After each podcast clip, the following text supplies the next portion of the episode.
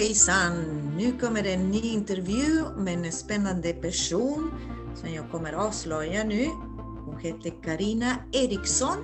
Hon är sångerska och spelar ja, musik. Och eh, det viktigaste är alltså det, varför jag vill intervjua henne för att hon eh, inriktar mycket på latinamerikansk musik. Och eh, det som lockade mig mest det var att hon åkte ner till Chile, eller hennes drömresa det var eh, till Sydamerika och hon hamnade precis på den här eh, socialrevolten. Och eh, då väckte min eh, nyfikenhet så, så tänkte jag, okej, okay, jag måste veta hur hon upplevde det detta. Och samtidigt, jag vill veta varför, hur kommer det sig att hon spelar latinamerikansk musik och, och allt detta. Välkommen Karina Eriksson! Tack så mycket! Jättekul att vara här. Jättekul att du kunde ställa upp och vara på den här eh, intervjun. Eh, ja, eh, vi började direkt och frågade hur kommer det sig att du spelar latinamerikansk musik och speciellt, ja, du är väldigt inriktad på chilensk folkmusik. Och hur? Ja, hur det, det, det är sånt som händer i livet att man hamnar in i situationer som väcker intresse.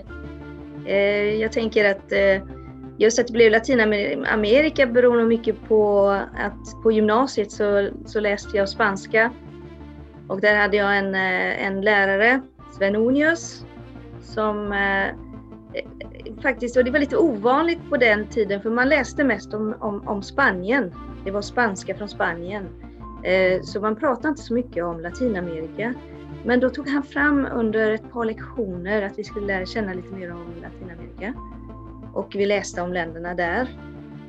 Och eh, vid ett tillfälle så tog han fram en skiva, en LP-skiva och eh, började berätta om Chile, om diktaturen i Chile och om Victor Jara.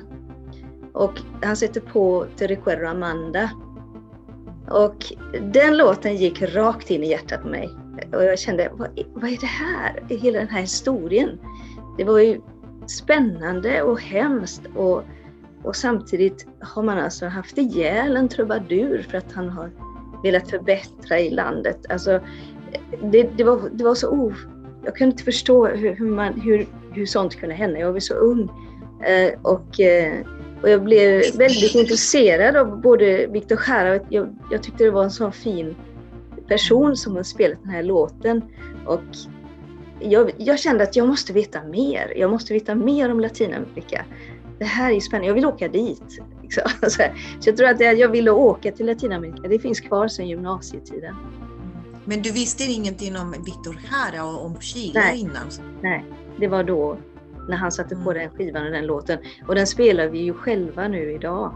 Jag spelar ju den gärna själv med gitarren men också i min grupp Scarlet and Blue där vi har gjort en egen tolkning av den både med svenska och spanska. Eh, för Cornelius Vreeswijk gjorde en en svensk version av den. Så vi har tagit till oss den också och har med den.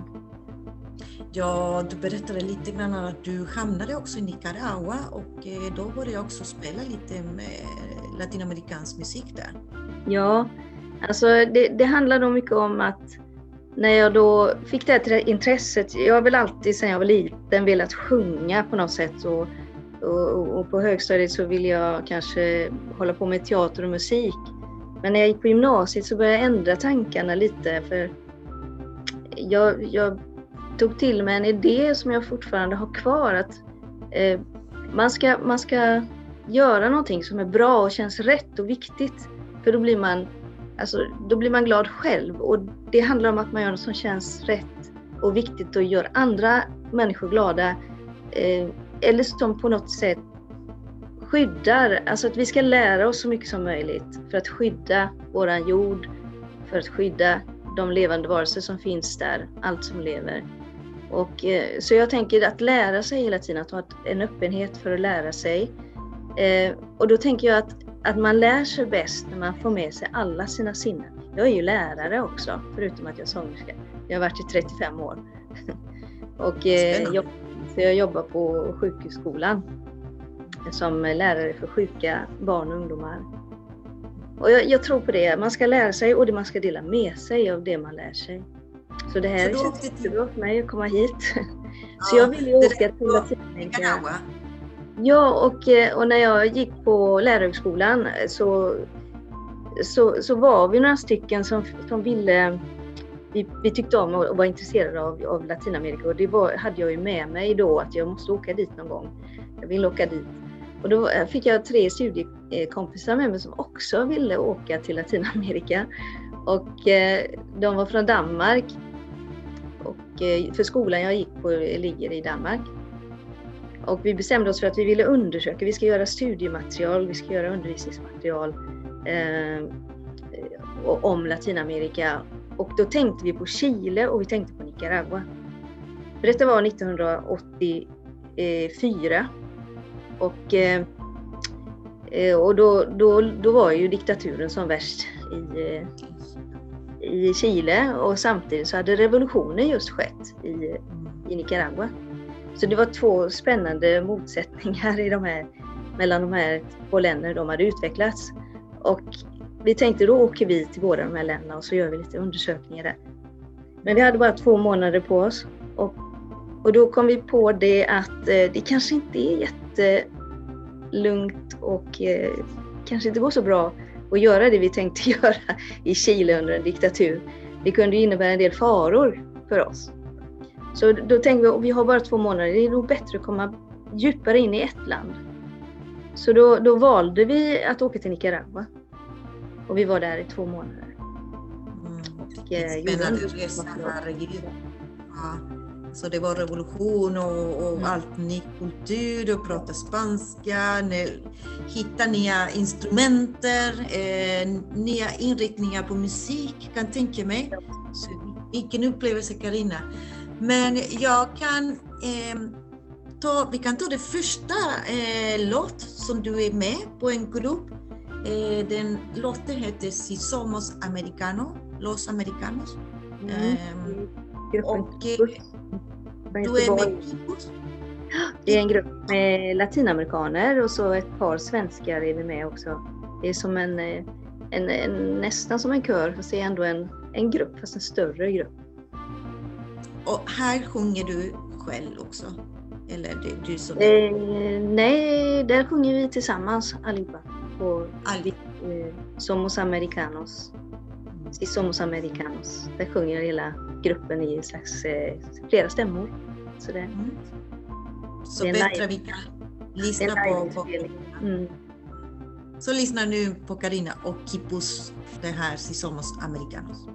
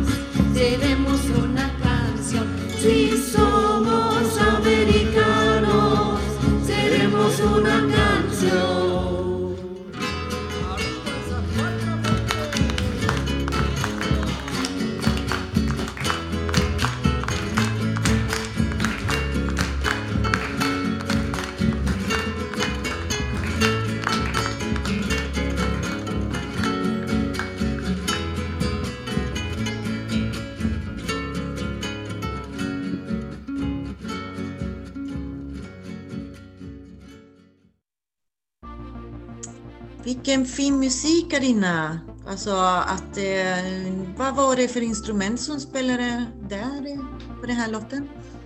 Oh, det är ju gitarrer och quattro. Quattro det är väl typiskt i, i, Sydamerika, va? Att spela quattro. Ja, i gruppen är ju det är övervägande chilenare med i gruppen. Så det blir mycket chilensk musik. Mm. Lär mig massa nya låtar med Kippus. Mm. Kan tänka mig. Men eh, vi fortsätter din resa. Alltså, du var i Nicaragua, så fortsätter du och, och, när du kom tillbaka hemma här i Sverige, då fortsätter du spela latinamerikansk musik och så du hade olika grupper kan tänka mig. Mm. Eh, vilka, ja, vilka grupper hade du som man kan berätta med? Eh, jag har varit med i, eh, ja det har varit under en lång tid, sen eh, nästan 30 år som vi har haft en grupp som heter Scarlet and Blue Även om namnet har ändrat sig faktiskt, men vi som är med i gruppen har ju varit med och spelat. Jag och Gittan till exempel har ju, har ju spelat och sjungit ihop i 30 år någonting. Och, och vi hette Stackfolket förut.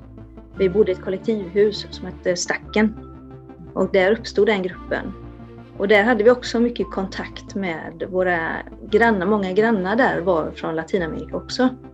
Så att eh, det var tillsammans med Stackfolket som vi för första gången spelade på en chilensk aktivitet. Mm. Vad var det för musik? Var det salsa? Var det folkmusik? Eller? Eh, det var folkvisor från olika länder. Eh, jag hade mycket det här intresset för den latinamerikanska musiken som jag tog med in i gruppen. Vi spelade också mycket irländsk eh, folkmusik och också svensk eh, folkmusik faktiskt. Och vi fortsätter med det. Men Loki Masquero, den, den låten spelade vi med olika stämmor i Stackfolket och den finns ju med fortfarande.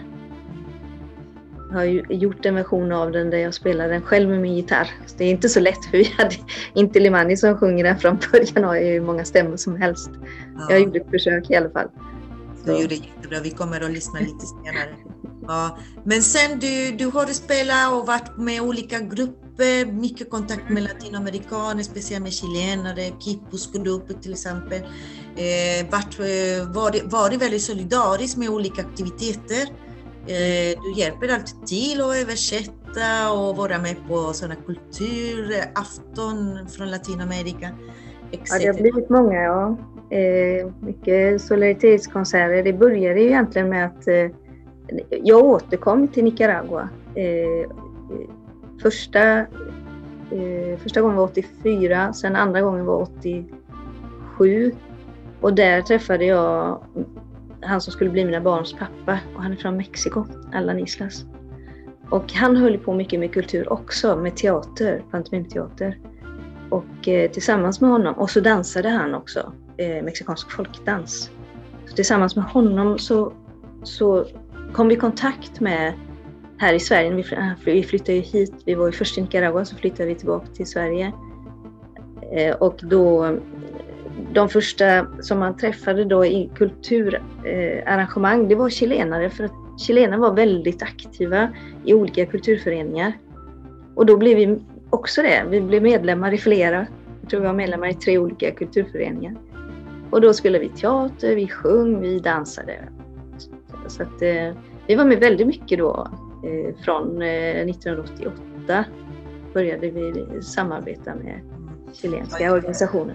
Jag känner igen, det var mycket aktiviteter, mycket kultur, mm. mycket solidaritet, fest och hjälpa till Chile. Och mm. eh, allt, alltså väldigt aktiv var det, den, mm. Eh, kulturlivet. Eh, latinamerikanska kulturlivet, det var väldigt, väldigt fint.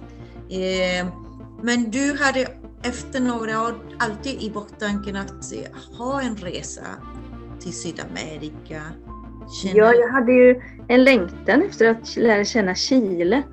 Det blev ju inte riktigt av förrän nu då förra året när jag kom dit, eller 2019.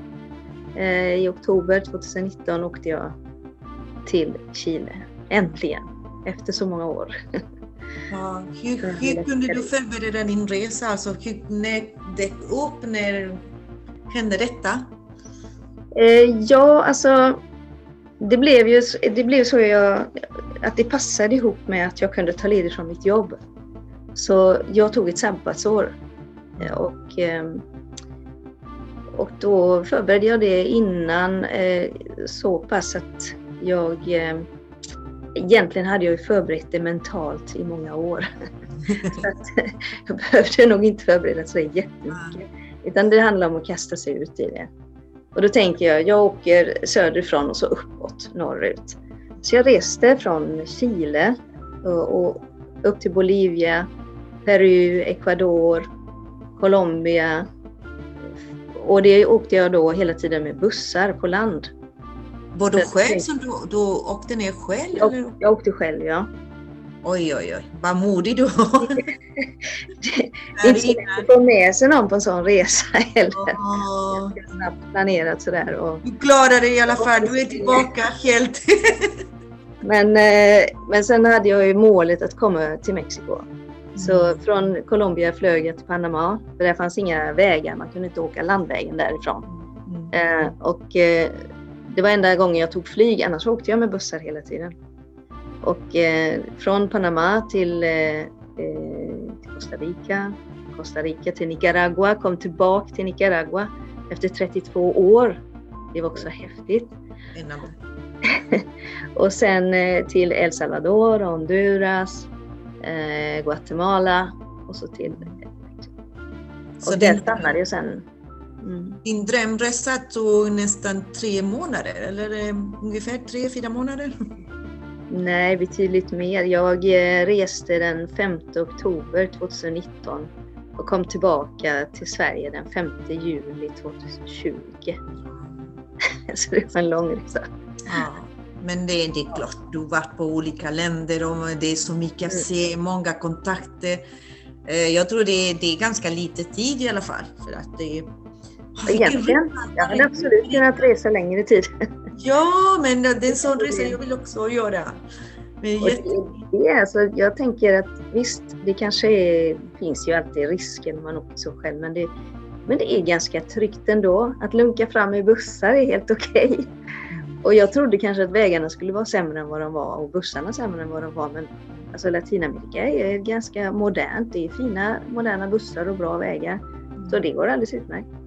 Det gäller att kunna bra med språket också, att kunna sådana slanger och, och är bra, du har kontakter med olika latinamerikaner så du kunde ungefär förstå det när du hamnade i Chile. Okej, vad menar de med här? Ja. Och i Chile var det ju, det var ju fantastiskt på det viset att jag kände folk nästan överallt dit jag kom fram. Och eh, om jag inte kände så var det någon jag kände som connectade mig med någon som de kände. Så att, Eh, jag behövde inte känna mig ensam, jag var aldrig ensam på den resan. När jag, när jag var själv så var det för att jag valde det, att var, ha det så. Att bo på hotell istället, man behöver paus. Och sen så, så för att hinna och ta kontakterna också som behövs framöver. Men det blev ju ganska spontant så det, det är så skönt med latinamerikaner på det viset för att de vill gärna göra saker spontant och ta emot en så här, fast man, de visste inte det från början. Men hej, här är jag! Ja, vad kul, säger de. Jag tänker på en grej när du berättar nu, alltså eh, att ha, ha varit på olika länder, man köper så mycket souvenirer. Alltså, du har en, kan tänka mig när, när det tar slut din resa, du har hur många reseväskor med massa, massa presenter. Och, Det där var ju svårt för att jag, menar, jag skulle samtidigt klara av att ha mitt bagage med mig. Jag hade en stor resväska. Jag valde att ha en resväska för att det blir för tungt att gå med ryggsäck. Så. Eh, Men, eh, och det, det gick bra att resa med resväska men det är klart att eh, den, den blir, om man inte passar sig då så, så blir ju den lätt full. Speciellt Ja. man åker igenom eh, spännande länder som har mycket konsthantverk och, och sådana saker. som du, du hade inga, ingen instrument med dig? Nej? Nej, jag hade inte några instrument med mig. Men du, fick låna ifall om de ville, om du, du, du hade chans att spela eller de ville lyssna på dig. Jo, det kunde jag göra ibland. Ah. Det, det var helt Men- okej. Du, du sa du flög iväg 15 oktober, hamnade i Chile, Santiago. Direkt efter du hamnade, Ja, sen åkte jag till Valparaiso. Eh, I Santiago träffade jag en gammal god vän som hade bott i Sverige och sen flyttade tillbaka till Chile. Och i Valparaiso träffade jag en, en tjej, en kompis som också bodde i Sverige förut och som flyttade tillbaka till Chile. Så att, eh, eh och, och det var Odali visade mig runt med sin kille José Miguel i Valparaiso. och sen fortsätter jag från Valparaiso uppåt, norrut. Men vi stannar i Valparaiso för jag vill att eh, de eh, från andra sidan nu ska lyssna en låt som heter Valparaiso som är gjord av Ebbe Tave. En... Vals i Valparaiso. Det är också en som vi tog till oss i Kippus, det här latinamerikanska musikgänget. Mm. Och eh, spelar då live när vi spelar in den här inspelningen, live-inspelning. Nu kommer låten Valparaiso.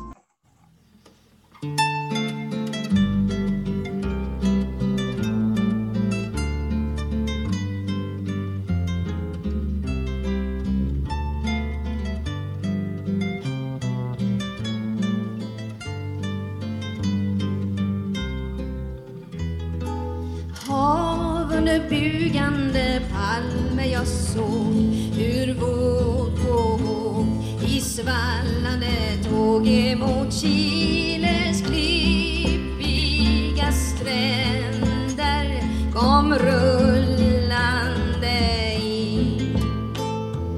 Oh, detta brus när ett skimrande svall fann mig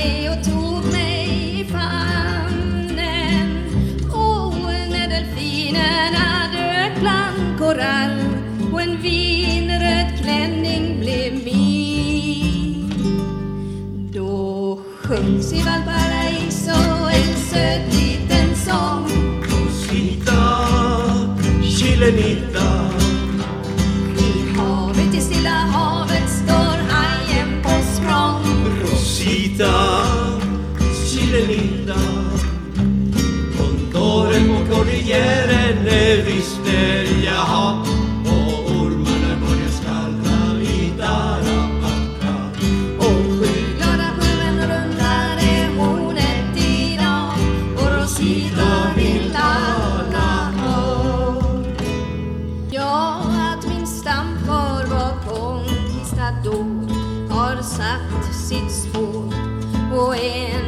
Står min ras i det land där jag likväl själv blivit född.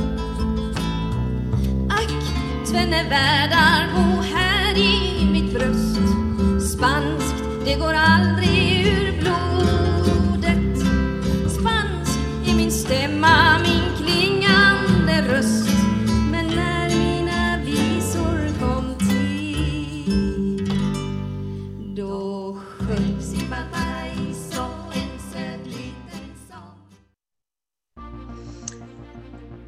Karina, jag blev väldigt sentimental när jag såg bilderna som, eh, från, från Valparaiso, så jag kan tänka mig att eh, eh, det var en fantastisk upplevelse kan jag tänka mig att du, du kunde se direkt från Valparaiso, för att du har träffat många chilenare här i Göteborg. Eh, de flesta är från, vi är från Valparaiso. Ja, precis. Ja. Jag tycker det är, lite, det är lite lustigt då att Valparaiso är ju en hamnstad precis som Göteborg. Det är Chiles andra stad precis som Göteborg. Är Sveriges andra stad. Så att det finns en del likheter även om det också finns mycket skillnader. Det är mycket fiskkultur, eh, sjödjurskultur i matkulturen och så vidare. Och det har vi ju här också. Så att jag tror att det kan bero på det att det faktiskt liknar varandra, våra städer, som många chilenare från Valparaiso valde att stanna här i Göteborg. Kan Ja. det stämma? Vad säger du om det? Jag vet inte, men jag hamnade här i Göteborg och jag älskar Göteborg för det påminner mig om Valparaiso. Alltså, jag bara känna lukten av fis och hav och allt, se båtarna. Det, Ja. det är en, en, en connection, eller ah, man känner sig hemma. Göteborgare tyckte väldigt mycket om Valparaiso. Ja. Det är en väldigt fin stad tycker jag. Och, eh, Ja, det, vad roligt kunde, eh, att du hamnade i Valparaiso och lära känna mi, mi, mitt hemstad i alla fall. Det, det är så mycket, alltså det som ändå var skillnad tycker jag, det är att det var så mycket konst. Alltså målningarna som fanns på, på väggen. Jag har aldrig sett så mycket målningar i en stad. Och, och jag menar det, det här eh, muralmålningar, det, det är ju många gånger bara kladd. Men i Valparaiso är det inte det, utan det är verkligen duktiga konstnärer, alla de som målar. Jag undrar hur många duktiga konstnärer finns det i Valparaiso egentligen? Det måste finnas jättemånga för att det, det är målningar precis överallt. På väggar och murar och staket. Jag tror det har, det har blivit en del som en, en, en slags kamp eh, för att visa alla orättvisor för att de målningar är väldigt inriktade på våra eh, vad säger man, eh, kamp, eh, människor, typ eh, Violeta Parra, Victor Mm. Jara, eh, alla som strävar efter en bättre land, en bättre Mm. Chile. Till exempel Salvador Allende, Mm. Mapuche-kamp också. Ja, det är sant. Det är mycket politiska budskap i och för rättvisa, humanism i de här målningarna också. Men jag upplevde att det var ganska blandat också.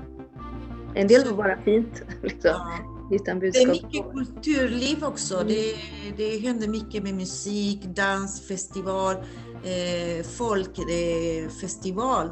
Mm. Eh, det, så jag har hört, eh, det, det händer en del och det gläder mig. Jag vet inte nu när det är coronatider men, men eh, de är väldigt aktiva vad det gäller den där delen kulturell. Så, det, så du hamnade på olika cerros, alltså vad heter det, Kull, kullarna? Eh, Bergskullar, det är ju också en sak som är lite skillnad från Göteborg. Det är att det, man har ju byggt hus på, på bergsluttningarna. Så det är fullt med hus i, i Dalarna och i berg, på berg, i både berg och dal. Så det, eh, man ser ju staden på det viset. Eh. Man, säger, man, man kan se hamna på var du hamnar i, i de bergkullarna. Du, du ser hamnen, du ser havet. Mm. Ja, Vi har också kullar i Göteborg men, men eh, här, här var det verkligen fullt med hus på alla kullar. Och det var även ett hus som hade rasat. Alltså det hände ju ibland att husen rasade från kullarna. Så att eh, vid en av eh, de här målningarna som, som jag tog kort på. Hade, Och precis, där hade det rasat ett hus för någon månad sedan. Nej, det händer mycket, speciellt på vintern när det regnade en del och ja, husen Den ramlade ner från berget.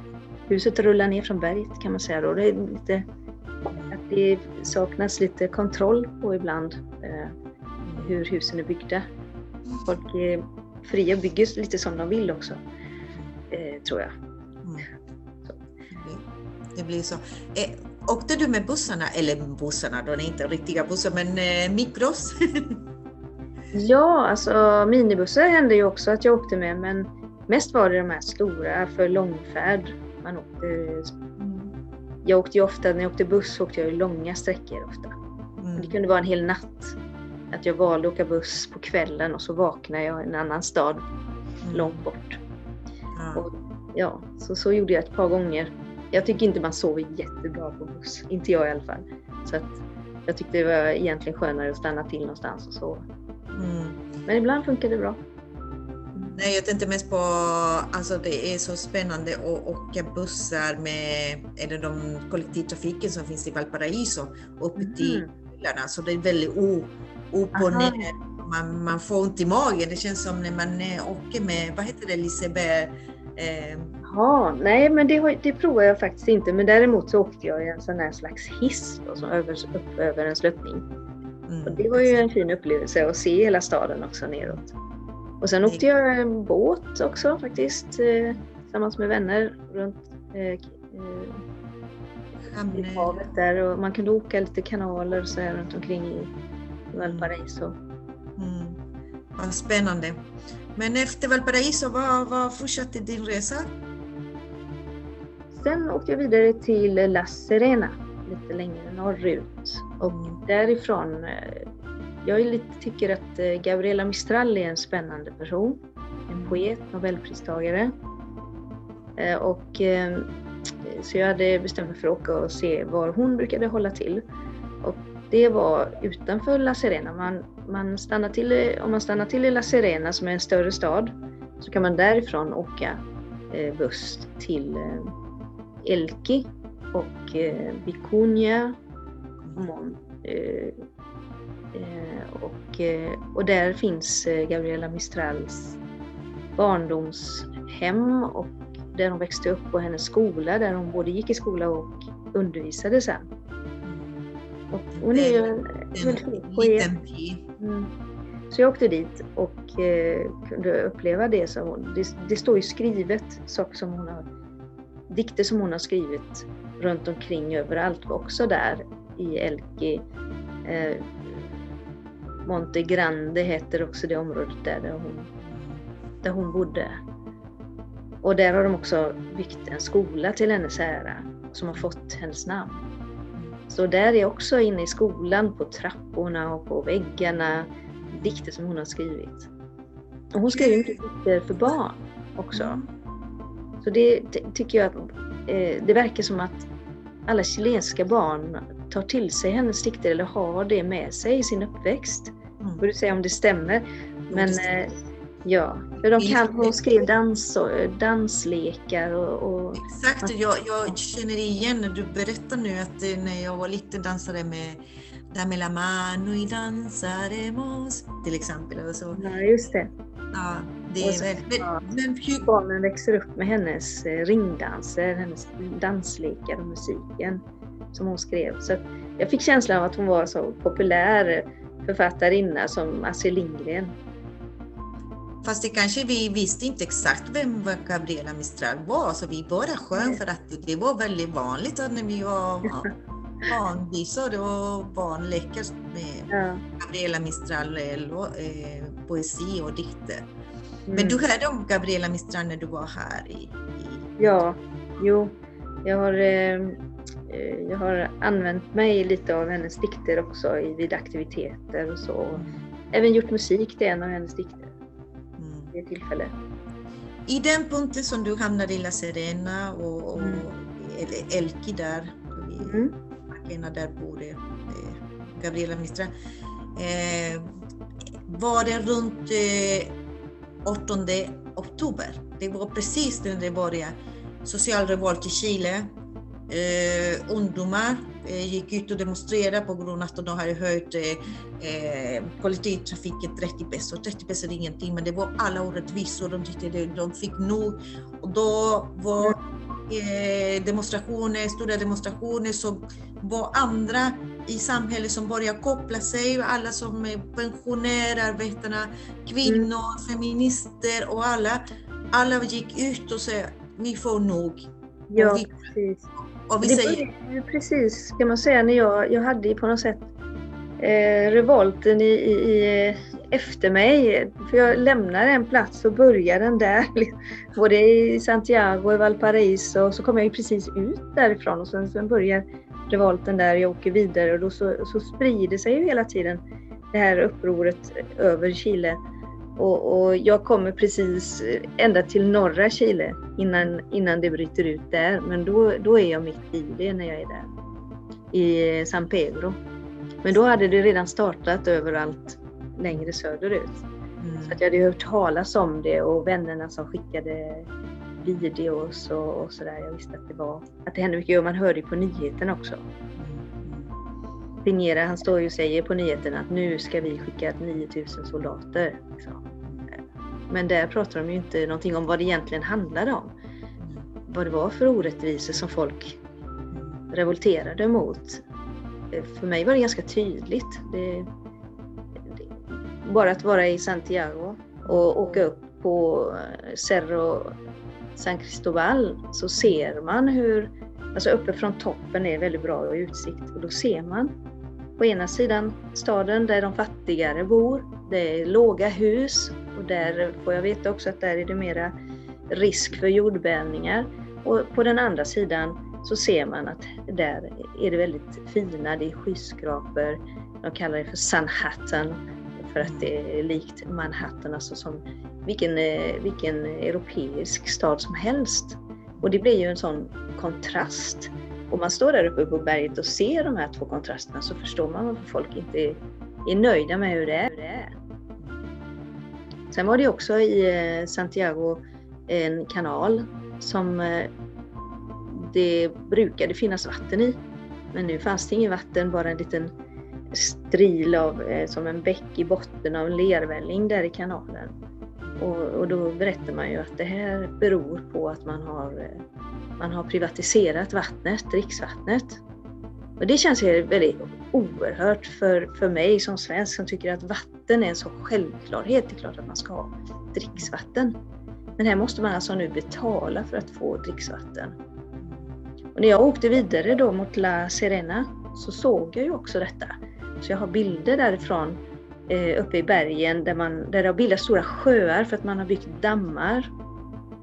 Och, eh, och så är det de här skyltarna då det står privat, eh, man får ej beträda där. Liksom. Så det, det var också tydligt att det här, det är något som händer som, som, eh, som inte borde hända. Alltså folk borde kunna ha sitt vatten. Det är så grundläggande. Du börjar stötta mycket med privatisering på något sätt och, och se mycket skyltar om privat, privat område, privata privat vatten, privat gatan, var du parkerar, allt är privat och har sålt hela Chile på något sätt. Så, mm. Ingenting det är statligt nu för tiden. Allt är utländska företag som äger. Vi äger inte själva havet heller. Så det är, det är därför jag tror att folk eh, eh vi fick nog. Mm. Så, ja. ja. Och det förstår, det förstår man, man ser de här sakerna. Man pratar med folk också, arbetslösheten som ökade. Det kom mycket flyktingar också. Och jag tänkte folk hade det inte så bra ekonomiskt och då träffade jag ändå folk som då var lite medelklass. Men de hade rätt kämpigt också. Eh, man bor lite nära då fattiga områden och så, och så rasar taket på huset för att det är ett jordskalv till exempel. Eh, det hade ju hänt mina vänner under den sommaren innan jag kom dit. Så de hade precis bytt taket där på sitt hus. Och, eh, medan de var pensionärer så de hade det inte jättefett. Pensionär, pensionärerna hade det inte bra i Chile. Det var väldigt låga pensioner. Så det var en sak som man kämpade för. Och, eh, och sen eh, att man då höjer för fjärde gången kostnaderna för allmän transport. Det var ju också en sån utlösande faktor. Eh, jag tror att det var kanske det som, som var droppen. För det var ju studenterna som då inte längre hade råd att ta sig till sina skolor. Som började protestera och de protesterade genom att inte betala biljetten. De gick på metro, tunnelbanor och sånt utan att betala. Och hur svarar man då från regeringens håll? Genom att skicka polis och militär som slår på ungdomarna. Men då blir ju föräldrarna rasande och lägger sig i. Det hade jag också blivit om någon hade kommit och slagit på mina barn. Liksom. och då, vad gör de då? Ja, då skickar de ännu fler soldater som slår på föräldrarna. Jaha, så liksom ingen dialog alls här utan det är bara att braka på här och slå. Och de, de, man, man fick ju se det, alltså vänner som skickade videos, sociala medier, medier så visade ju den bilden om vad det handlar om. Men det gjorde ju inte nyheterna. På nyheterna kom det bara att det var vandaler, de som protesterade bara förstörde, stal, eh, tände eld på saker. Alltså, och att det var därför, för att skapa lugn och skydda folket, som eh, Pinera skickar 9000 soldater. Men jag menar, det var ju inte riktigt rätt bild. Det är mycket, eh, många protester som du kanske hamnade också. Eh, vi ska gå till nästa låt innan du berättar mer om protesterna som du hamnade i norra Chile. Och eh, den låten som kommer, Du eres mujer, det är Du är, du är kvinna. Är det rätt eh, översatt? Ja. Eh, en hyllning till kvinna och det var du som hade skrivit texten mm. och du spelade med själv eller? Det här är en salsagrupp som vi har haft i 15 år som heter Temba Bemba och här är det Eh, Eh, en av tjejerna i gruppen som spelar trumpet, Monica Plåt, som har skrivit musiken till den här låten. Och jag skrev texten sen på spanska. Så den här heter Tu eres mujer och eh, ja, det är en hyllning till kvinnorna. Då lyssnar vi på detta.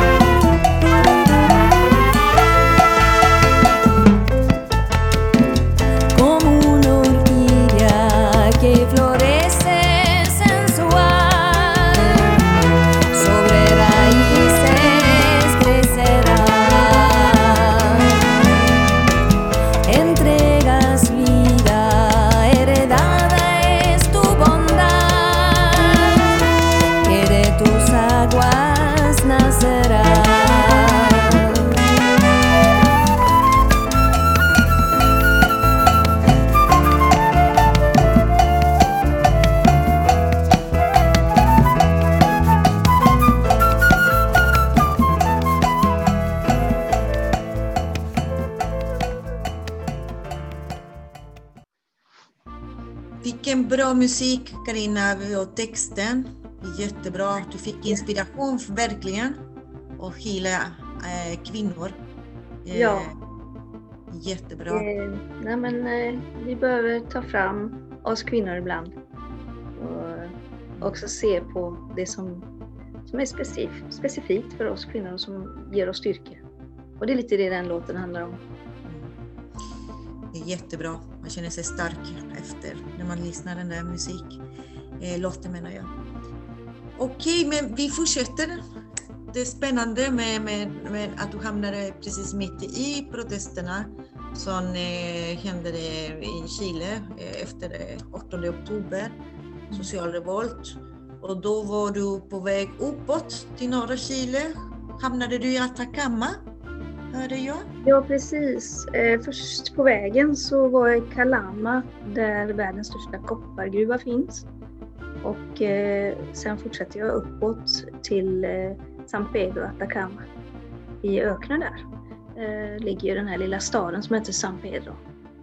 Det är en jättefin liten stad och jag kan absolut rekommendera att åka dit. Det är otroligt intressant hela det området och vackert som ni kommer kunna se på lite bilder som jag har lagt in här nu också. Eh, och där finns till exempel Valle de la Luna, eh, som är alltså månens dal, ett område i öknen som liknar mån, ett månlandskap. Där finns Valle del Arcoiris, regnbågsdalen och eh, eh, Valle del Muerto, de dödas dal som är alldeles rödaktig jord i och sådär. Så det, det här är ju absolut ett område för, eh, som både är vackert och, och jätteintressant. En geologisk dröm definitivt. Men eh, för oss som inte är geologer också. Men förutom det då så, så hamnade jag ju då, jag var i, i San Pedro när revolten bröt ut där. Och eh, det var ju lite som en folkfest kan man säga. Alltså, det var en helt fredlig demonstration. Folk gick med, med kastruller och slog på dem. Och, eh, Mycket barn, barnfamiljer alltså. Ja, det var många barnfamiljer. Det var eh, hundar med som gick och liksom. Det, det, var, det, det var inte sån... Alltså man tyckte det var ganska... Det var en väldigt fredlig demonstration. Det var Eh, som karneval kan man säga. Alltså som en karneval, absolut. Så, så det var ju spännande att vara med där. Och, och, och eh, samtidigt så var det ju, eh, man visste ju San Pedro hade det ju redan hänt väldigt mycket längre ner söderut. Så att man protesterar ju mot det såklart, hur man ger sig på folk. Men jag tror att alltså min bild av hur de här demonstrationerna gick till det, det är ju denna, att det är fredliga demonstrationer där folk går ut och vill tala om att de är missnöjda med vissa saker. Och här i San Pedro så la sig inte polisen i. De körde runt i bilar lite utanför eh, och bredvid eh, demonstrationerna men de gick ju inte in och blandade sig i och började slå på folk så, så som de gjorde längre söderut. Och det gjorde ju att man kunde hålla kvar den här fredliga, festliga stämningen istället. Det kanske var i början så, eh, men sen det var då det eskaleras mer och mer eh, våld. Eh, så polisen fick eh, eh, att eh, de skulle kasta tårgas till exempel och sen Ja. gummikulor och många ungdomar och människor som miste eller förlorade ögat. Eh, Ja. är en kille som heter Gustav och han, han förlorade båda eh, sinne.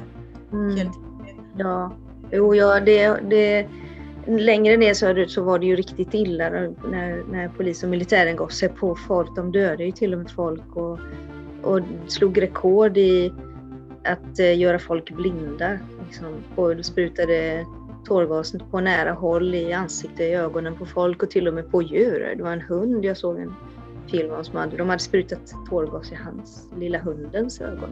Det- är därför hundarna brukar attackera poliserna och det finns en symbol för en hund som heter Matapacos. Jag vet inte om du har sett den, en svart hund eh, som de målar på, på väggarna. Jaha, Eh. nej, det har jag inte tänkt på. Han heter Matapaco, eh, Okej. så betyder det mm, eh, döda polis eller något sånt, Matapacos. Eh, och Oj. han är en symbol, en symbol för att han alltid var med i demonstrationer och attackerade poliserna och så vidare. Mm. Okej. Eh, Det var det. Men Mm. eh, som sagt, eh, Varnade kanske folk då? Hunden? ja det kanske. Mm. Eh, du hamnade inte på utegångsförbud för att sen det blev eh, eh, så president Sebastián Piñera att eh, det var utegångsförbud. Och, Nej, jag, jag såg ju på nyheterna, jag tog också några kort på nyheterna där det står att det var queda, alltså det var utegångsförbud längre söderut. Mm. Men eh, jag var ju på väg vidare mot Bolivia. Så eh, det, som, det som hände i San Pedro var ju att man blockerade vägar. Eh, De hade lagt sten på vägen. Jag vet inte vem det var som hade lagt sten i vägen men det gjorde ju att bussarna kunde inte lämna staden och inte komma in i staden heller. Så att, eh, det blev eh, förseningar. Sen fanns det ju folk som plockade bort stenar också då så att bussarna skulle kunna köra men det gjorde ju att att jag kom iväg ganska sent på natten för att eh, det gick inte att köra iväg med bussen. Så du åkte från San Pedro till Bolivia? Bolivia till Uyuni. Okej. Så du tog bussresa till, till Bolivia?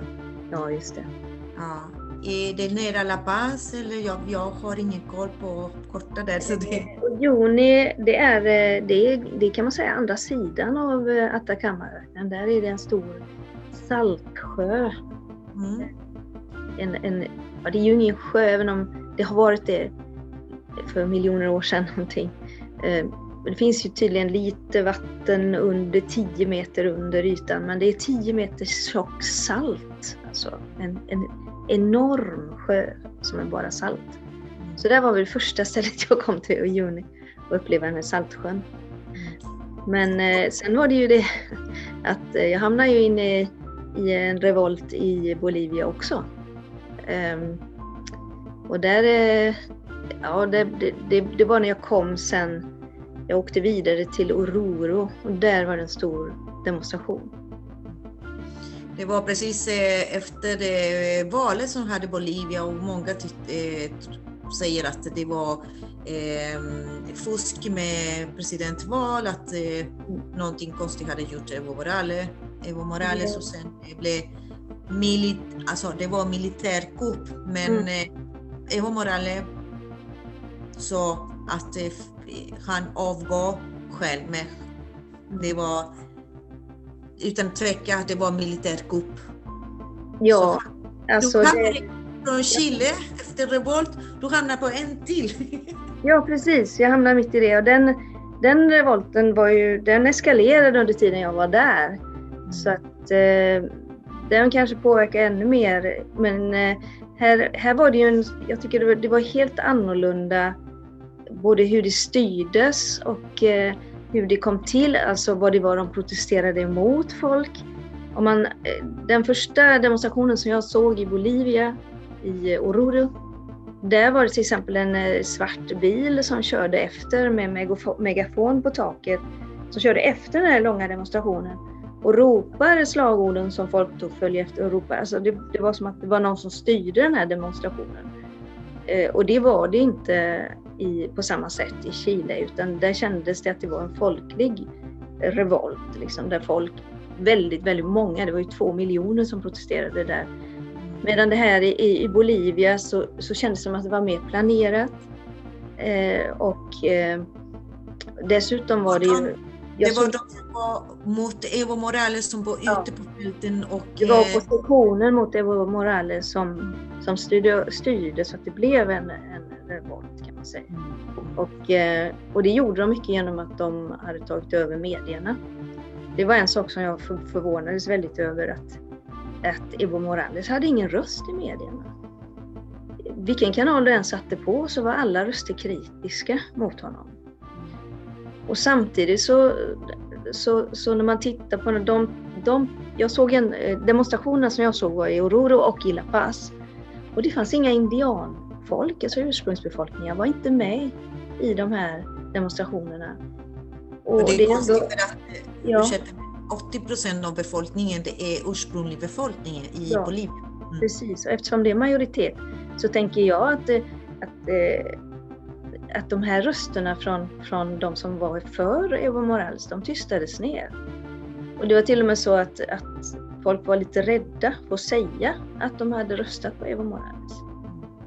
Eh, I Jojo träffade jag en, en, en guide och taxichaufför som, som vi frågade, som var i bilen där, eh, hur, hur, hur är det? Alltså, har, han, eh, har han fuskat med valet eller vad är det?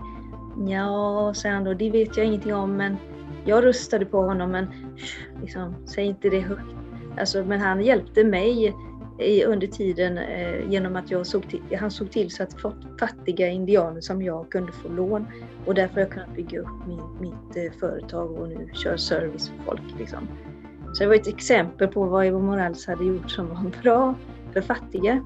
Att, att, man hade, att han hade sett till att lyfta Bolivia ur fattigdom. Så att han var ju också väldigt populär. Men eh, sen, sen i och med att de här rösterna blev så starka mot honom så tystades ju alla de andra. De som stöttade honom vågade inte säga det högt längre. Men det som du säger Karina, eh, media var styrs av eh, höger, de som hade pengar. Så eh, det var de som manipulerade hela situationen och så tog ut folk. De var beväpnade, de hade militärerna bakom. Så det är därför de vanliga människorna var rädda att det skulle bli som det blev, för att det var mycket våldsamhet. Eh, det var väldigt grov i den tiden. Ja. Eh, många som blev mördade och, och folk ändå gick ut och demonstrerade och stöttade Evo Morales. Men eh, det var ma- massakrer också där. Jo, det, det- kom ju sen. När, då hade jag ju åkt därifrån eh, när det blev som värst, så att säga, när eh, själva militärkuppen, för det kan man ju nog säga att det var, en kupp mot Evo Morales eftersom de hotade hans familj och sen gick in och, och mer eller mindre tänkte ha död på honom. Så han var tvungen att fly. Eh, och då tänker jag att eh, alltså oavsett om om det hade funnits ett fusk eller inte. Sen vann ju hans parti igen, vilket ju också tyder på att det inte var något fuskval.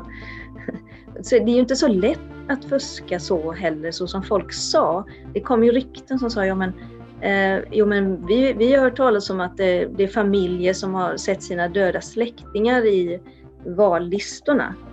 Så de har räknat folk som inte finns med där. Och sådana där saker. Och då undrar jag, hur har de kunnat se vallistorna? inte det sekretess på hur folk röstar. Alltså, det, det var sådana konstiga påståenden tyckte jag då att det där är ju inte öppet för folk att se och sätta sig in i. Om det var det, vem hade öppnat upp för det i så fall? Så.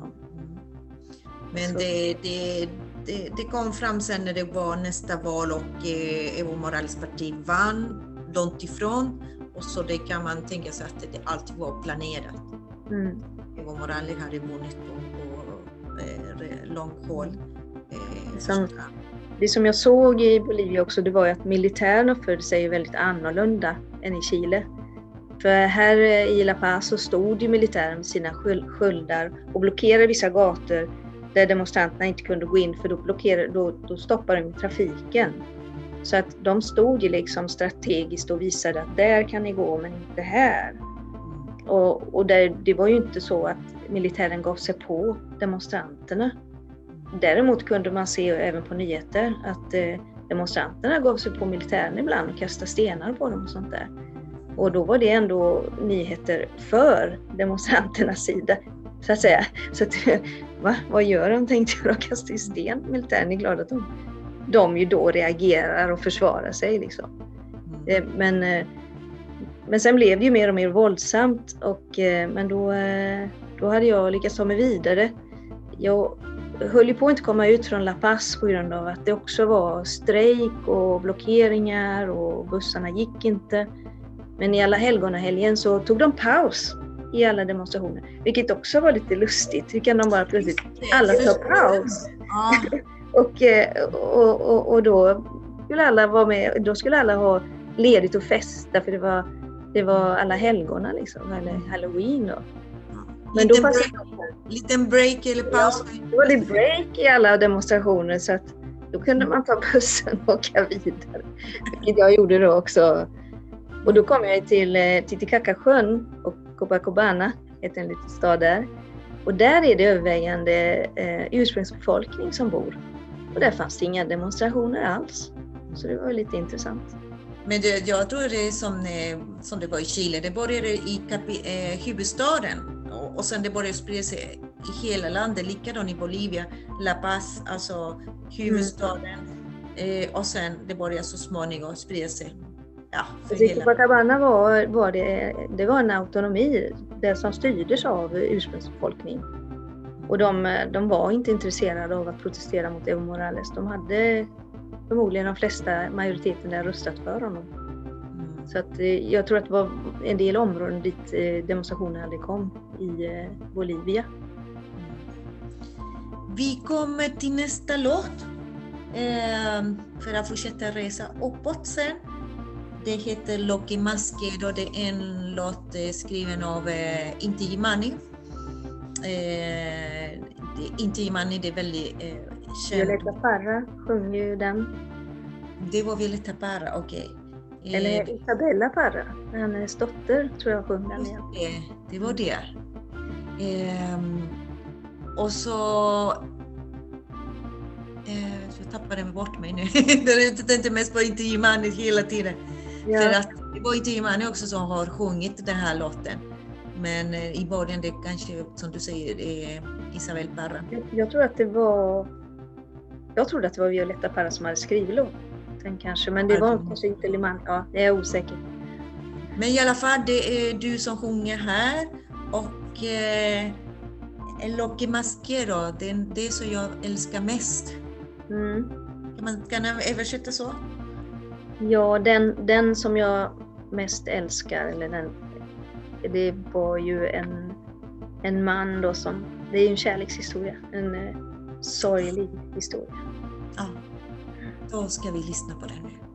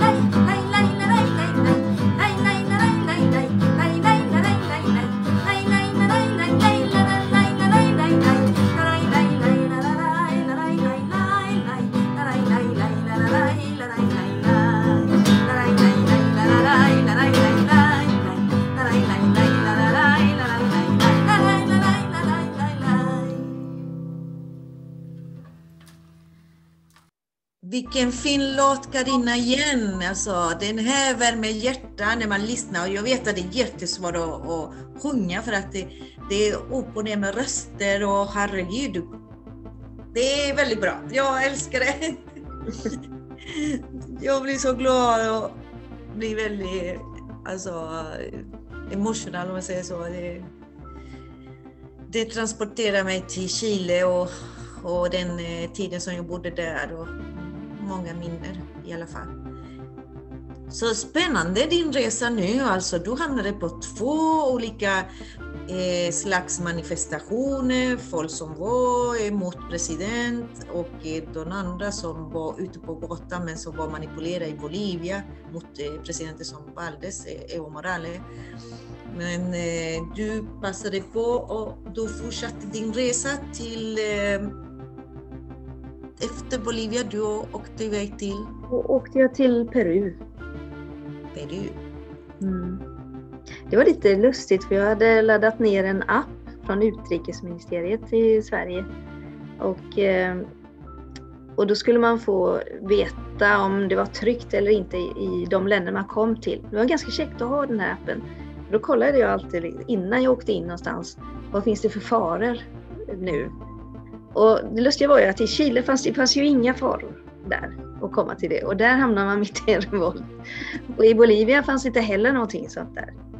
Men däremot i Peru och Ecuador, det var ju liksom, dit skulle man helst inte åka. Men det visade sig vara ganska lugna platser att åka till i jämförelse. Så att Hela? man kan inte riktigt veta när man åker till ett land om det ska, om det ska vara någon fara med det eller inte. För det är inte säkert. Det hade ju varit eh, lite protester i, i, Peru också, i Lima. Men det hade lugnat ner sig där så det var hur lugnt som helst när jag kom dit. Eh, jag vet sen... att eh, man kan hamna på fel ställe och det blir farligt ändå. Så jag... Ja precis, man vet inte. Jag tycker eh. själva Chile också är jättefarligt eh, eftersom jag är uppväxt där och jag vet vilka områden kan vara farliga. Och eh, alltid tänker när mina svenska bekanta eller kompisar har varit där nere och de säger ah vi var där på sådana områden som man tänker åh oh, herregud jag själv skulle aldrig gå själv. Men eh, ni vågar och ah. Ja, ja, fast jag är också försiktig så. Jag, jag vill gärna ha rekommendationer så det tog jag också på vägen. Alltså i La Serena till exempel. Jag frågar ju när jag bor på ett hotell till exempel, vad är bra att åka till och lämpligt och sådär. Det är alltid folk som vill berätta, men dit ska du åka för det här är fint och så. Det var det som var så härligt med den här resan att jag hade ingen plan från början. Att jag ska dit och dit och dit egentligen. Utan det fanns plats att, att uh, upptäcka nya saker. Men att, du vill helst gärna inte vara på sådana turistområden va? Eh, nej, ja och nej. Om det är intressant, eh, som till exempel Atacama och San Pedro är ju ett turistområde för det är så mycket fint att se där. Och då är det ju absolut roligt att komma dit och, och vara, vara, en del av det. Det är ju världens eh, äldsta och torraste öken. Jag kanske vill peka på sådana lyxområden till exempel. Ja, nej. Mm. nej, det är väl inte så. Det är ju mera om det är intressant eh, ur, eh, miljösynpunkt, eh, kulturellt, historiskt. Mm. Ja, alltså, sen, kan, sen kan väl jag gilla att åka ut en strand och, och, och vila upp mig och få lite sol. Men, eh, men de ställen jag åkt till har nog varit lite små samhällen där det inte är så mycket turister faktiskt. För att, nej, det lockar mig ju inte. Det är ju samma överallt turistområden som, som är med, med dyra hotell och, och playa. Det, är liksom, det, det, det ger ju ingen bild av, av landet man är i. Det, det kan ju vara precis, det är samma överallt där det finns eh, stränder. Jag tror att din, din, resa, din resa var eh, alltså väldigt rik på olika sätt. Att du träffade folk, du kunde mm. uppleva landet, hur folk mm. eh, i de eh, situationer som folk är missnöjda. Och, spännande, alltså hamna precis i ja. demonstrationer. Eh, jag tror att du har så mycket att berätta, Karina. Eh, så mm. din resa är inte den här intervjun täcker bara en liten del. Jag tror ja. vi måste göra del, ja, flera delar. Men det, det är jättekul att, höra hur du hamnade och hur det upplevdes när du var där. eh, Chile, tycker jag ju att var på ett sätt, alltså jag kände ju till historien och diktaturen och, och, och, och, det, och förstod varför det blev protester och sådär. Men det jag inte kände till om Chile var egentligen alla vackra platser som finns där. Alla fina ställen man kan åka till och, och upptäcka. Och då var ju Atacama en, en sån, ett sånt som jag absolut rekommenderar folk att åka ut till. Där är till exempel världens klaraste stjärnhimmel och massa observatorium som man kan åka ut på natten och, och titta med stjärnkikare upp på de här, den här fantastiska himlen. Och det, att det är så, det är ju för att det är världens torraste öken. Det regnar ju så lite så det finns ju inga moln. Mm. Och det är Och ganska rent också. Vad sa du? Det är ganska rent i himlen. För Ja, det, och det skulle jag komma till också. Att det ligger ju så pass långt ifrån någon större stad eller industri att det, det finns inga föroreningar heller. Så att eh, det, det kommer folk från hela världen, vetenskapsmän, och, och betraktar himlen. För att det just är så rent, så klar himmel. Eh, ja, det, det var fantastiskt att se, åka ut och titta på denna, denna stjärnhimmel där ute i Atacama. Plus då de här dalarna, eh, olika mineraler som, som bildar olika färger på bergen. Alltså, det är verkligen arcoiris, en regnbågsdal som är jättefin att titta på. Så, och sen har det också, alltså på vägen så frågade jag folk om de hade märkt någonting av klimatförändringarna. Och då sa man att det de har märkt i Latinamerika eller Sydamerika, det var att det regnar mer. Det var ju lite ovanligt. Det hade jag inte förväntat mig det svaret. Jag trodde väl snarare att det skulle vara torrare och varmare.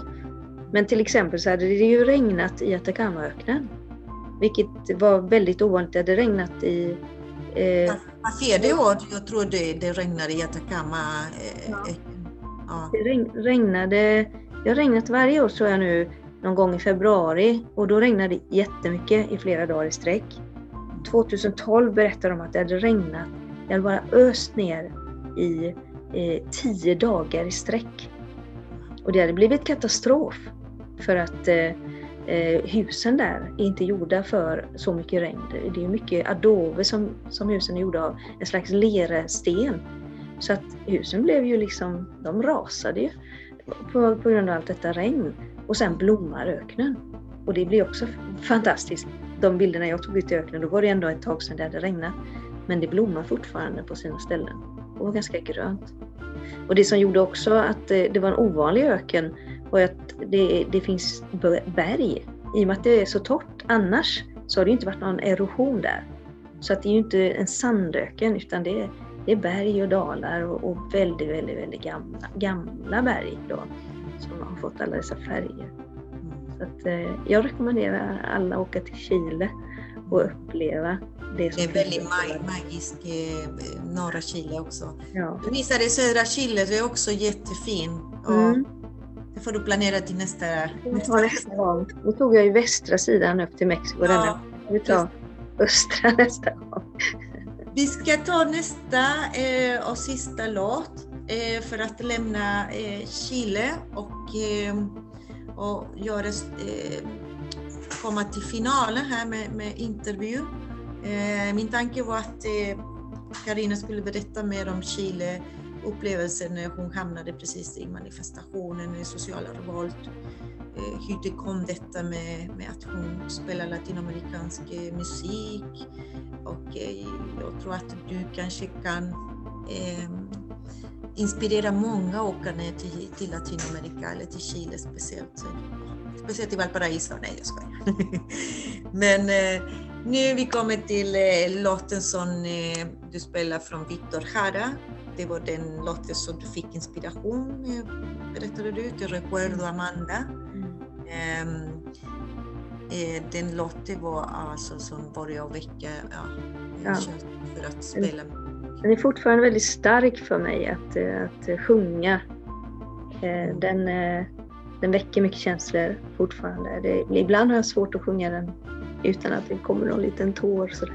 Ja. Men jag det gick bra den här gången. Kan tänka mig. Men vi lyssnar på Te recuerdo Amanda. Jag, eh, Jag, jag minns minns dig Amanda. Nu kommer det.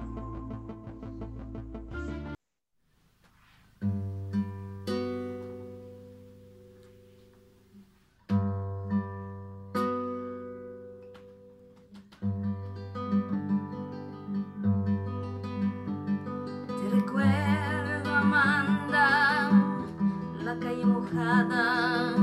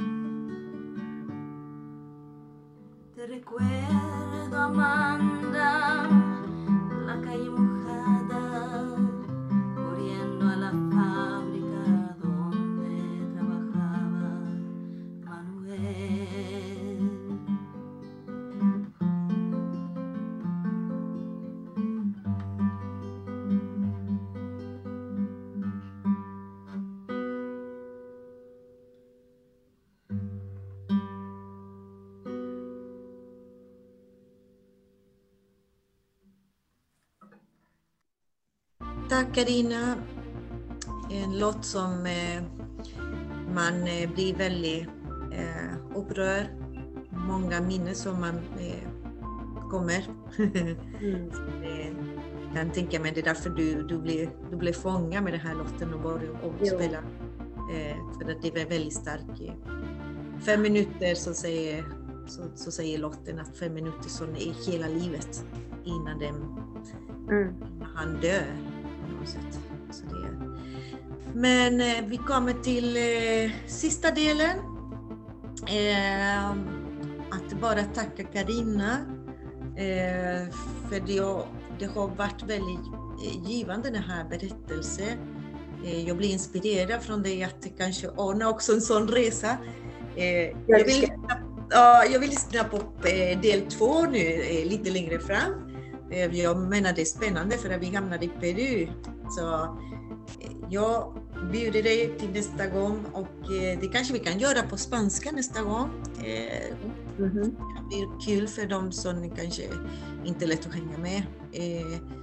Så jag är jättenöjd, jätteglad att du kunde ställa upp Karina för det, det här var väldigt viktigt och, och intressant för att se hur en, en svensk person med en annan bakgrund eh, hamnade i Latinamerika, hur ser det olika situationer så det är, jättefint. Så hoppas att du också är Nej. Ja, det var jätteroligt att vara här och roligt att få dela med sig av de här erfarenheterna också. Det gör jag gärna. Så ja, Ja. Då tackar vi Karina Eriksson och eh, då hoppas jag alla lyssnar på den här. Så bara kontakta oss om det är något mer som du vill veta om Karina. Tack så mycket Karina. Tack Janet. Ciao. Ciao.